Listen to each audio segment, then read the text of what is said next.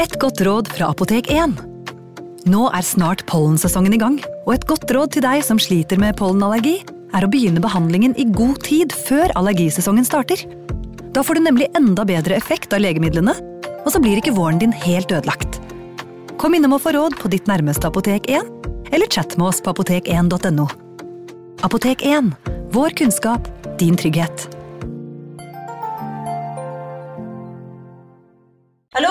Jeg kommer fra Oslo politikammer.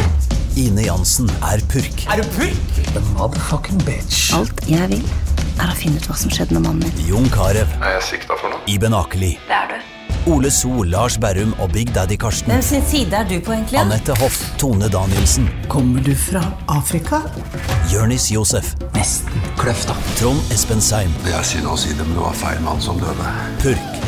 Premiere tirsdag på TV2 Play. Ungsamtalen fra DNB er økonomisk veiledning tilpasset deg som er ung. Bokk en ungsamtale på dnb.no. slash ung. Det er kjempebra hvis du skal inn på boligmarkedet, hvis det er drømmen din, liksom. Det er det du skulle sagt. Og så kunne du ropt litt mer, da, sånn som jeg gjorde. Bam! Advarsel. Denne podkasten inneholder skildringer av ekte drap og kriminalsaker som kan være støtende for enkelte. Det advares også mot sterke inntrykk i deler av episoden. I True Crime-podden pleier vi å ta opp drapssaker som er av eldre dato. Saker som har skjedd for en stund siden, som vi har fått litt på avstand. Når et drap skjer, er det mye som skal gjøres. Hendelsen skal etterforskes, offeret eller ofrene skal obduseres, åsted skal sikres og spor skal samles inn slik at politiadvokaten kan reise tiltale og føre saken for retten. Mange av sakene vi har tatt opp, er saker fra mange år tilbake i tid, noen til og med så gamle som fra 1800-tallet.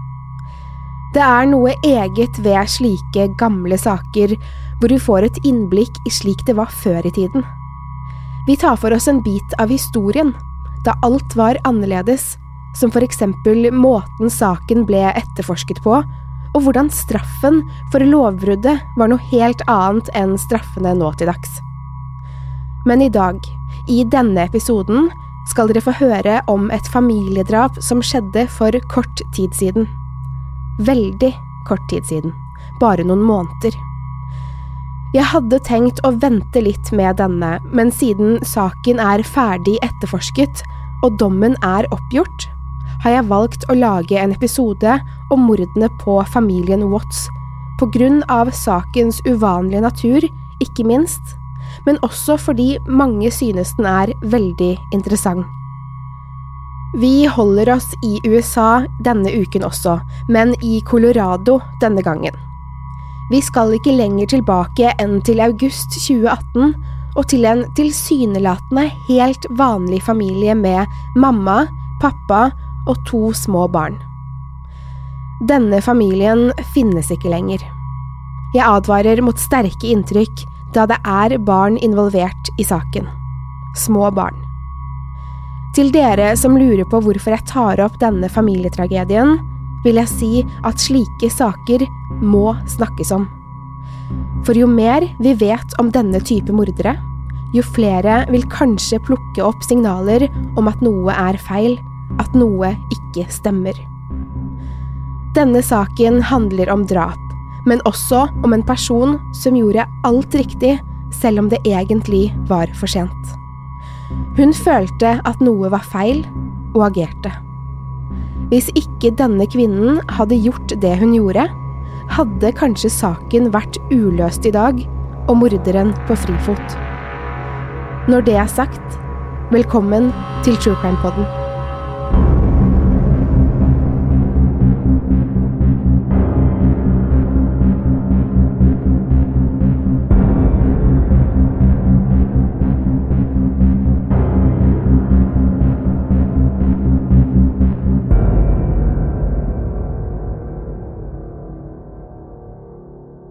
Dere har sikkert sett Chris Watts på TV eller i avisene. Han er kjekk, smilende og veltrent og virker som en fantastisk engasjert familiefar. På familiebildene ser familien Watts ut som The American Dream. Vellykkede, glade med store smil og to søte døtre. Bella Marie på fire år og lillesøster Celeste på tre år, sammen med mamma Shannon, smiler mot kameraene. De har på seg fine, blomstrete sommerkjoler og holder kjærlig rundt foreldrene sine. 33 år gamle Chris og 34 år gamle Shannon møttes i 2009 på internett. Chris sendte Shannon en venneforespørsel på Facebook, og de begynte å skrive til hverandre på meldingstjenesten Messenger. De var begge fra samme by i North Carolina og startet forholdet sitt her. Shannon har fortalt til venninner at hun var veldig nervøs før hun skulle møte Chris for første gang, for han virket nesten for god til å være sann. Han var morsom, omtenksom og kjærlig, helt annerledes enn de hun hadde datet før. Shannon hadde vært gift tidligere, og ekteskapet hadde vært turbulent og destruktivt, så hun var usikker på om hun ville gå inn i et nytt forhold av at hun hadde blitt såret før. Shannon led også av den autoimmune sykdommen lupus, og var i perioder ganske dårlig. Ifølge Norsk helseinformatikk på nettsiden nhi.no gir lupus pasienten bl.a. leddsmerter, tretthet, hodepine, utslett, stive muskler, lysømfintlighet, brystsmerter, nedsatt følelse i hender og føtter samt hårtap. Det er også risiko for komplikasjoner ved graviditet, som eksempel spontanabort. Shannon og Chris hadde sin første date på en lokal restaurant. De spiste god mat og delte en flaske vin, før de gikk videre til en bar og drakk noen cocktails. En perfekt date, ifølge Shannon. Hun snakket om han hele tiden etter denne kvelden, og innrømmet at hun trodde hun var forelsket allerede. Det virket som om Chris følte det samme. Han sendte henne melding med en gang han kom hjem og takket for en hyggelig kveld, og ringte henne dagen etter for å spørre når han kunne få treffe henne igjen. Fra og med da var Shannon og Chris et par. De gjorde alt sammen, dro på ferier, traff venner og familie, og begynte etter hvert å drømme om å starte sin egen en dag, til tross for Shannons helseproblemer. Begge kom godt overens med hverandres familier, og alle var glade da Chris endelig gikk ned på kne og fridde til Shannon. De giftet seg i november 2012. Ett år senere ble deres første datter Bella født. Familien Watts hadde også flyttet fra North Carolina til Frederick i Colorado og bodde hos noen venner mens de bygget drømmehuset.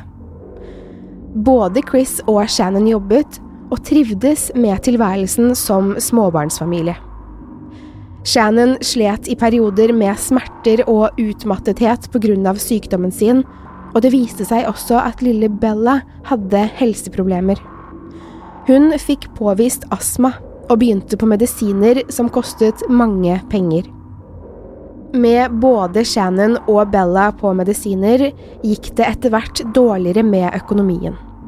Shannon var mye borte fra jobb, og Chris måtte jobbe ekstraskift for å klare å betale regninger og huslånet. Shannon ble dårligere og dårligere, og ble til slutt operert som et grep for å bedre tilstanden hennes. En operasjon som kostet mye. I USA dekker ikke staten medisiner, sykehusopphold, legebesøk eller operasjoner, og det ble familien smertelig klar over. På tampen av 2014 begjærte familien seg personlig konkurs. De hadde da en samlet gjeld på over 400 000 dollar, som med dagens kurs er mer enn 3,4 millioner kroner. De klarte ikke å betjene gjelden sin med Chris sin inntekt alene. Heldigvis fikk ekteparet hjelp av familie og venner, og klarte å beholde huset de hadde bygget sammen. Da stresset som kom med den økonomiske krisen hadde lagt seg, begynte Shannon å føle seg bedre. Hun ble mer aktiv igjen, hadde overskudd til å være mamma og skaffet seg en ny jobb som selger i et såkalt multilevel marketingfirma, hvor man bruker sosiale medier for å selge produkter og holder presentasjoner for venner og kjente for å selge disse produktene. Shannon viste seg å være en superselger og nådde budsjettene sine hver måned. Hun fikk bonuser, ble invitert på reiser der de beste selgerne i firmaet ble hyllet og premiert. En måned vant Shannon en ny Lexus. Hun var stolt av det hun hadde klart, og elsket jobben sin. Chris og Bella var ofte med på reisene. I 2015 ble familien velsignet med enda en liten datter. Celeste kom til verden i juli etter en trøblete graviditet for Shannon. Hun ble heldigvis friskere igjen etter fødselen og var raskt tilbake på jobb. Etter noen tøffe måneder med økonomiske problemer og graviditeten smilte endelig lykken til familien. Shannon tjente gode nok penger til at Chris kunne jobbe normale arbeidstider igjen. Sommeren 2018 skulle Shannon ta litt ferie og reise med jentene til North Carolina for å besøke besteforeldrene, venner og annen familie på begge sider. Shannon og jentene gledet seg masse til turen. De skulle være borte i hele fem uker og bare slappe av, bade, spise god mat og kose seg sammen. Chris måtte jobbe i fire av de fem ukene ferien skulle vare, så han skulle bare være sammen med Shannon og jentene den siste uken. De første dagene av ferien snakket Chris og Shannon på telefonen sammen flere ganger om dagen. Hun sendte Snapchat-videoer av at jentene badet, lo og danset, og Chris svarte med hjerte-emojis og sa at han savnet dem. I de neste dagene begynte kommunikasjonen å avta. Shannon sendte like mange meldinger, men svarene fra Chris uteble. Da han endelig svarte henne eller ringte tilbake, skyldte han på jobben. Det var så mye å gjøre, sa han. Han hadde ikke tid til å snakke med Shannon hele tiden. Noen ganger gikk det en hel dag uten at hun hørte fra han. Hva drev han egentlig med? Shannon hadde kontakt med flere venninner under denne reisen, og det kommer frem i tekstmeldinger til dem at Shannon begynte å mistenke at noe ikke stemte med forklaringene hans.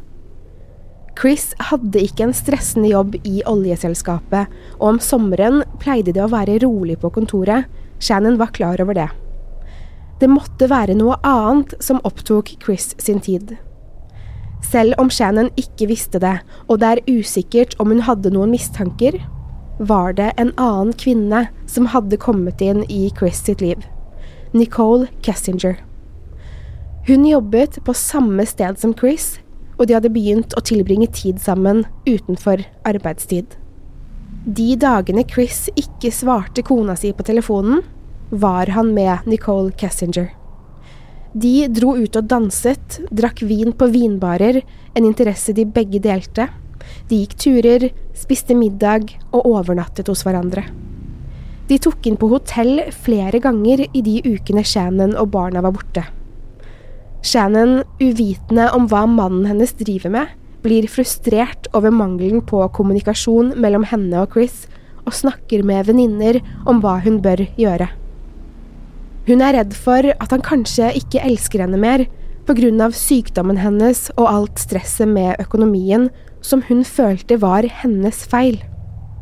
Hun slet med dårlig samvittighet pga. alt hun hadde dratt Chris gjennom, fortalte hun venninnene.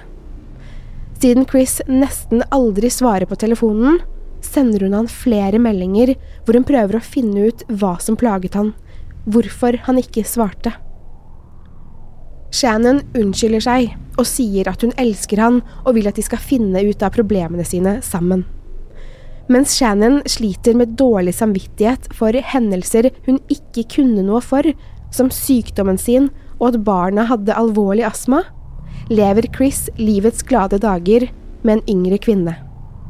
Han googler 'Hvor tidlig kan man si at man elsker noen?'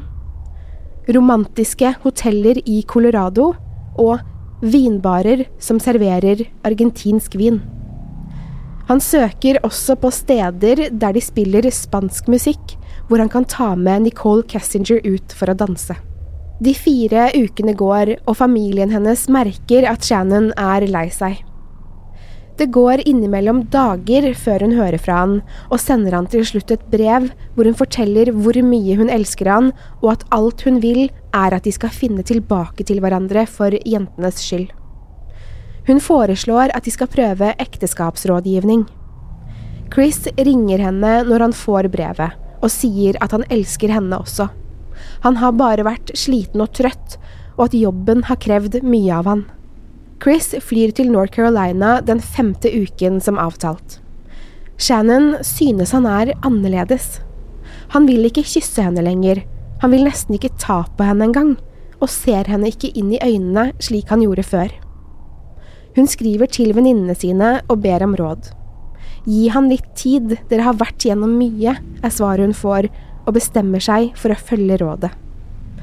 Uken med begges familier går sin gang, og familien Watts reiser hjem sammen. Det er rett etter at de kommer hjem fra ferie at Shannon finner ut at hun er gravid med deres tredje barn. Hun er overlykkelig og tenker at dette vil hjelpe forholdet deres.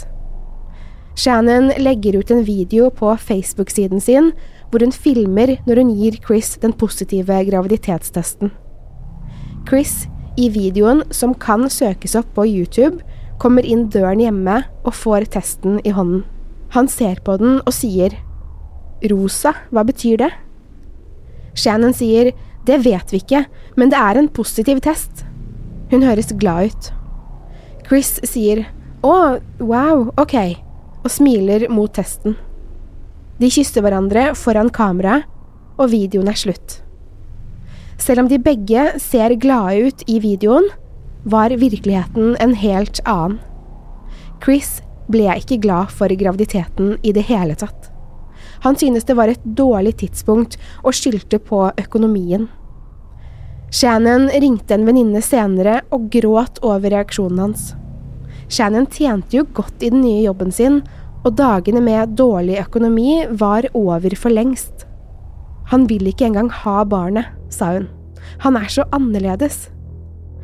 Shannon bestemte seg for å beholde barnet, og begynte å planlegge et såkalt gender reveal party, en fest hvor man inviterer venner og familie for å avsløre kjønnet på barnet.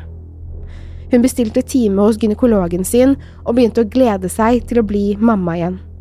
Chris fortsetter å treffe elskerinnen sin, og Nicole Kessinger søker etter brudekjole på nettet, noe som indikerer at de ønsker å gifte seg. Problemet er bare at Chris er gift, har to barn, og skal snart bli pappa til et tredje. Natt til den 13. august 2018 kommer Shannon hjem fra en jobbreise.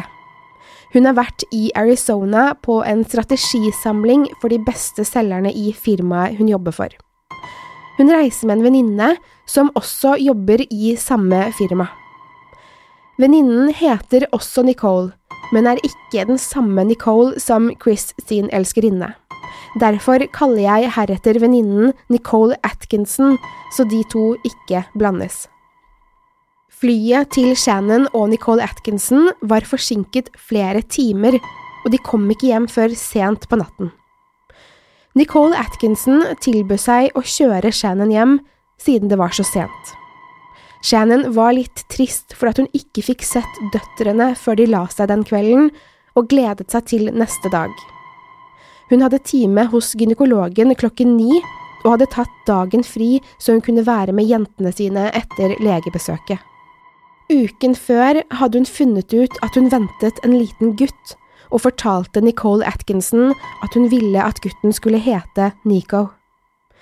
Shannon lovet å ringe Nicole Atkinson etter legebesøket, og gikk ut av bilen klokken 01.48.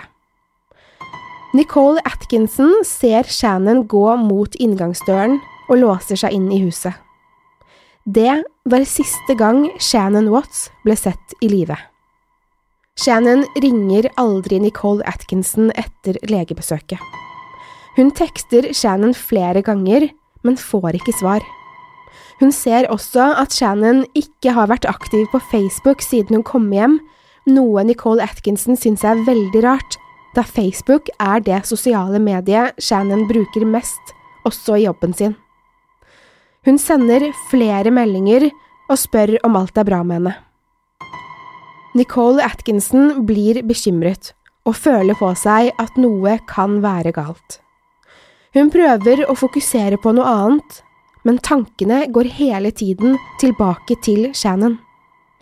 Det er så ulikt henne å ikke svare.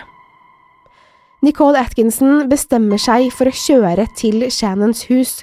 Det kunne jo hende hun trengte hjelp, eller hadde kommet ut for en ulykke. Ved Watts-familiens hus er alt stille. Døren er låst, og Chris sin bil er borte. Shannons bil står parkert på samme sted som den gjorde natten før. Chris er sikkert på jobb, tenker hun. Nicole Atkinson ringer på døren. Ingen svar. Hun banker på rutene, kikker inn i huset, men alt er helt stille. Det ser ikke ut som om noen er hjemme i det hele tatt. Hun bestemmer seg for å ringe Chris og høre hvor Shannon og jentene er. Chris svarer først ikke i telefonen, så hun sender han en tekstmelding. Chris svarer at han skal ringe henne snart. Nicole Atkinson venter og venter, men han ringer henne ikke. Derfor ringer hun istedenfor, og Chris svarer denne gangen. Hun forteller at hun har prøvd å få kontakt med Shannon hele morgenen og formiddagen, men når henne ikke. Hun spør om Chris vet hvor de er. Chris svarer at han tror Shannon og jentene er på en playdate, men at han ikke visste hos hvem. De kommer sikkert tilbake, sier han. Nicole Atkinson sier at Shannons bil står i oppkjørselen, og at bilsetene til jentene også er i bilen. Kanskje de har gått en tur, prøver Chris seg. Kanskje de har gått en tur, prøver Chris seg. Nicole Atkinson sier at hun er bekymret. Chris ber henne ta det helt med ro, alt er nok i orden. Hun tror han ikke, og bestemmer seg for å ringe legekontoret Shannon hadde time hos klokken ni samme morgen. Nicole Atkinson får vite at Shannon aldri møtte opp til timen sin, og at hun ikke hadde avlyst den. Legesekretæren hadde også forsøkt å ringe henne uten å få kontakt med Shannon. Nicole Atkinson forstår at noe har skjedd. Hun sender melding til Chris og sier at Shannon ikke møtte opp til legetimen sin, og nå lover Chris å komme hjem. I mellomtiden ringer hun politiet for å få hjelp til å lete etter Shannon og jentene. Politiet tar samtalen hennes på alvor og sender etter hvert en ledig patruljebil til Watts-huset. I mellomtiden har fortsatt ikke Chris kommet hjem. Nicole Atkinson ringer han igjen, og han sier at han snart skal dra. Familien din er borte, sier hun. De er savnet, du må komme. Chris virker litt irritert på henne og sier igjen at han drar med en gang. Men han kommer ikke. Politipatruljen møter opp og banker på døren. Nicole Atkinson forteller hva hun vet, og de er enige om at hele situasjonen er rar. Til slutt kommer Chris hjem, og politiet ber han låse opp døren til huset. Inne i huset er alt stille. Verken Shannon eller jentene er hjemme. Chris går opp på soverommet deres og kommer tilbake med Shannons giftering. Tror dere hun har forlatt meg? spør han. Shannon og jentene meldes savnet. De finner Shannons veske, bilnøkler og mobiltelefon i huset. Det tyder på at Shannon og jentene kan være bortført mot sin vilje. Media får vite om saken, og snart er bilder av Shannon, Bella og Celeste i alle nyhetsmedier. Et lokalt TV-team intervjuer Chris utenfor huset. I videoen virker Chris veldig nervøs. Han beveger seg fra side til side og sier at Shannon og jentene må komme hjem. Han sier også at hvis noen har tatt dem, må de slippe familien hans fri. Så smiler han litt. Folk på sosiale medier går av skaftet når de ser videoen. Chris ser ikke ut som en fortvilet familiefar. Han oppfører seg ikke som om han er bekymret i det hele tatt. Imens Chris blir intervjuet, kommer en politipatrulje med likhunder og søker på tomten og i huset. Hundene markerer inne i Watts-familiens hus. Neste dag involveres FBI. I slike saker hvor én ektefelle forsvinner eller dør under mystiske omstendigheter, er den andre ektefellen alltid mistenkt nummer én. Politiet mistenker Chris med en gang. De konfiskerer telefonen hans, datamaskiner både hjemmefra og på jobben hans. Etterforskerne finner med en gang ut at Chris har hatt en affære med Nicole Cassinger, og ser på dette som et mulig motiv for Shannon og jentenes forsvinninger. To dager etter forsvinningen, den 15. august 2018, arresteres Chris. Chris avhøres og gir forskjellige forklaringer på hvorfor han tror Shannon og jentene er borte. Han sier at han ikke aner hva som er skjedd, og samtykker til en løgndetektortest. En løgndetektortest kan ikke brukes som bevis i retten fordi den ikke er 100% sikker. Det kan ikke vitenskapelig bevises at testen kan avdekke løgner. Men den kan gi store indikasjoner på at en person lyver, og blir ofte brukt i etterforskninger likevel. Chris løy ifølge løgndetektortesten på alle spørsmål som omhandlet Shannon og jentenes forsvinning. En god indikasjon på at han visste hvor de befant seg. De ber han være ærlig, men Chris nekter først. Han har ingenting med forsvinningen å gjøre. Så, etter noen timers avhør, ber han om å få ringe faren sin. Om han får snakke med faren sin, skal han fortelle hva som skjedde. Etter samtalen med faren forteller Chris den første versjonen av hva som skjedde. Shannon hadde kommet hjem sent, natt til 13. august. Hun hadde vært sur da hun kom hjem og klaget på at det var rotete i huset. Hun hadde blitt sint fordi Chris hadde gitt barna pizza til middag, og de hadde begynt å krangle. I diskusjonen hadde Chris sagt at han ville skilles fra henne at han ikke elsket henne mer og tenkte å gå fra henne. Han begynte å pakke en bag med klær, for han ville vekk fra henne allerede den natten. Shannon hadde blitt rasende på han og gått inn på rommet til jentene.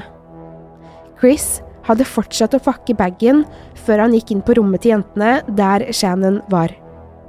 Da var jentene døde, for Shannon hadde kvalt dem.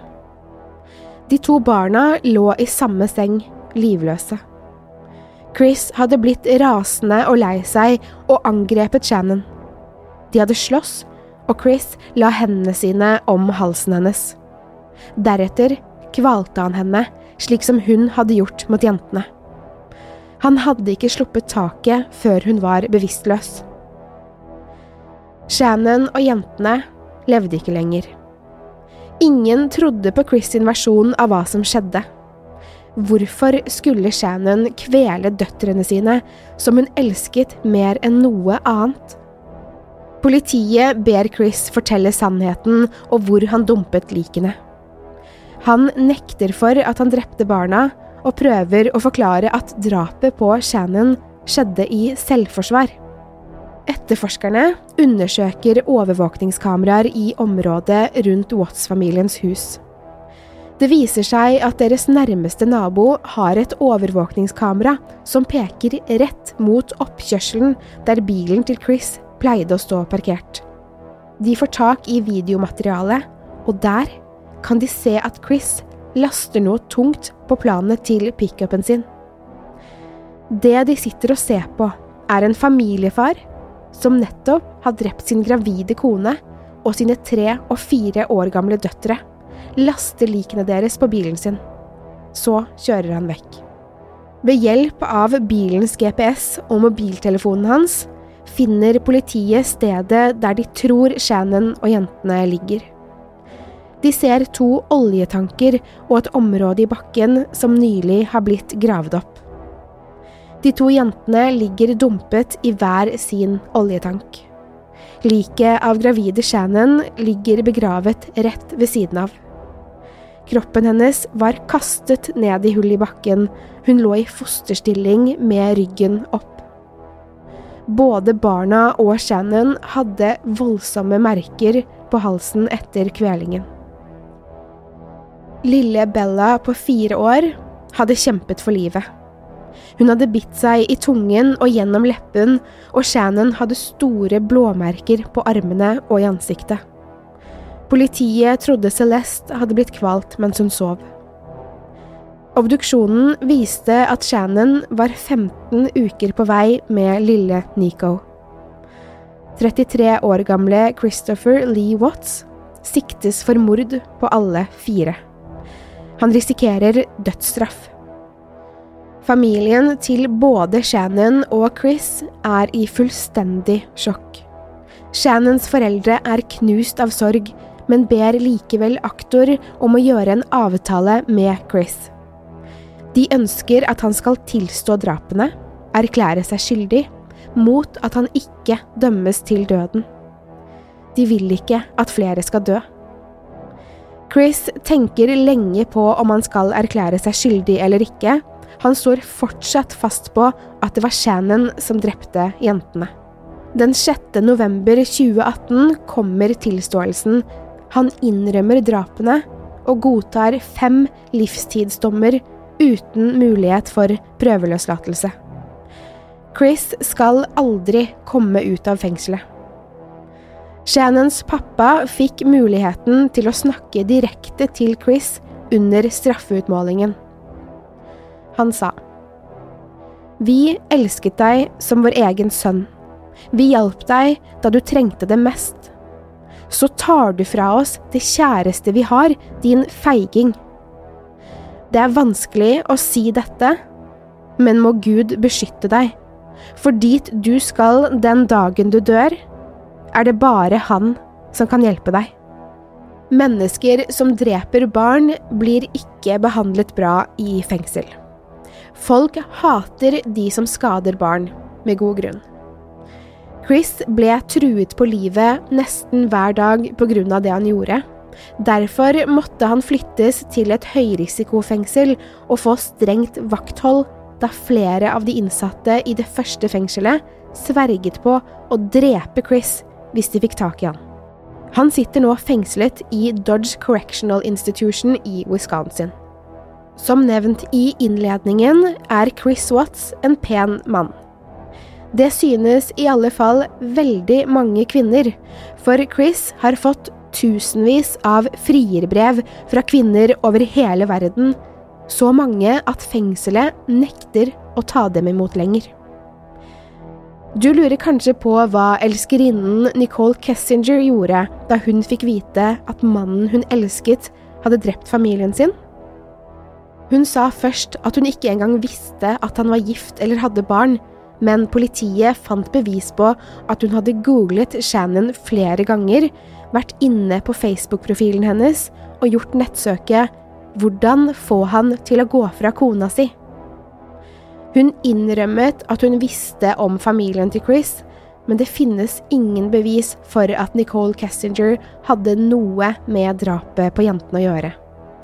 Hun var heller aldri mistenkt for innblanding. Denne saken er ikke annet enn helt forferdelig. Det er utenkelig for oss å engang forestille oss at noen kan skade familien sin på den måten Chris gjorde.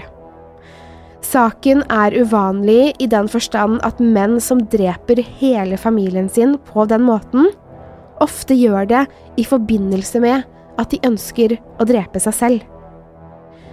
Tidligere FBI-agent og true crime-forfatter Candice DeLong forklarer at når slike familiedrap forekommer, er det som oftest i august og før skolen starter, slik at det tar lengre tid å oppdage drapene.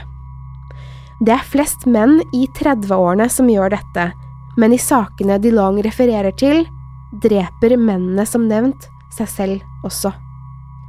Vi legger som vanlig ut bilder tilknyttet denne saken på vår Instagram-konto True Crime Norge. Følg oss også gjerne på Facebook, der heter vi True Crime Podden. Har du ønsker om spennende og litt uvanlige saker vi kan ta opp her i True Crime Podden? Send meg mail på post at truecrimenorge.no. Til neste gang, pass på deg selv og de rundt deg, og takk for at du har hørt på True Crime Podden.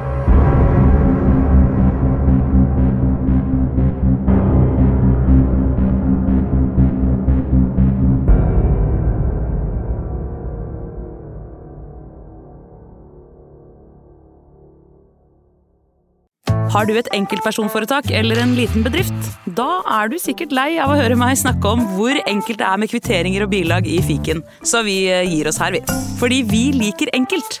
Fiken superenkelt regnskap. Hei! Takk for at du lytter til True Crime Podden. Skulle du ønske at du kunne høre en ny episode av denne podkasten hver eneste uke? Vel, da er det bare å laste ned podkastappen Untold med en gang. I tillegg til ukentlige episoder av podkaster som Skrekkpodden, Synderne og Henrettelsespodden, får du masse annet reklamefritt og eksklusivt innhold. Last ned Untold i AppStore eller Google Play, og start din 30 dagers prøveperiode i dag.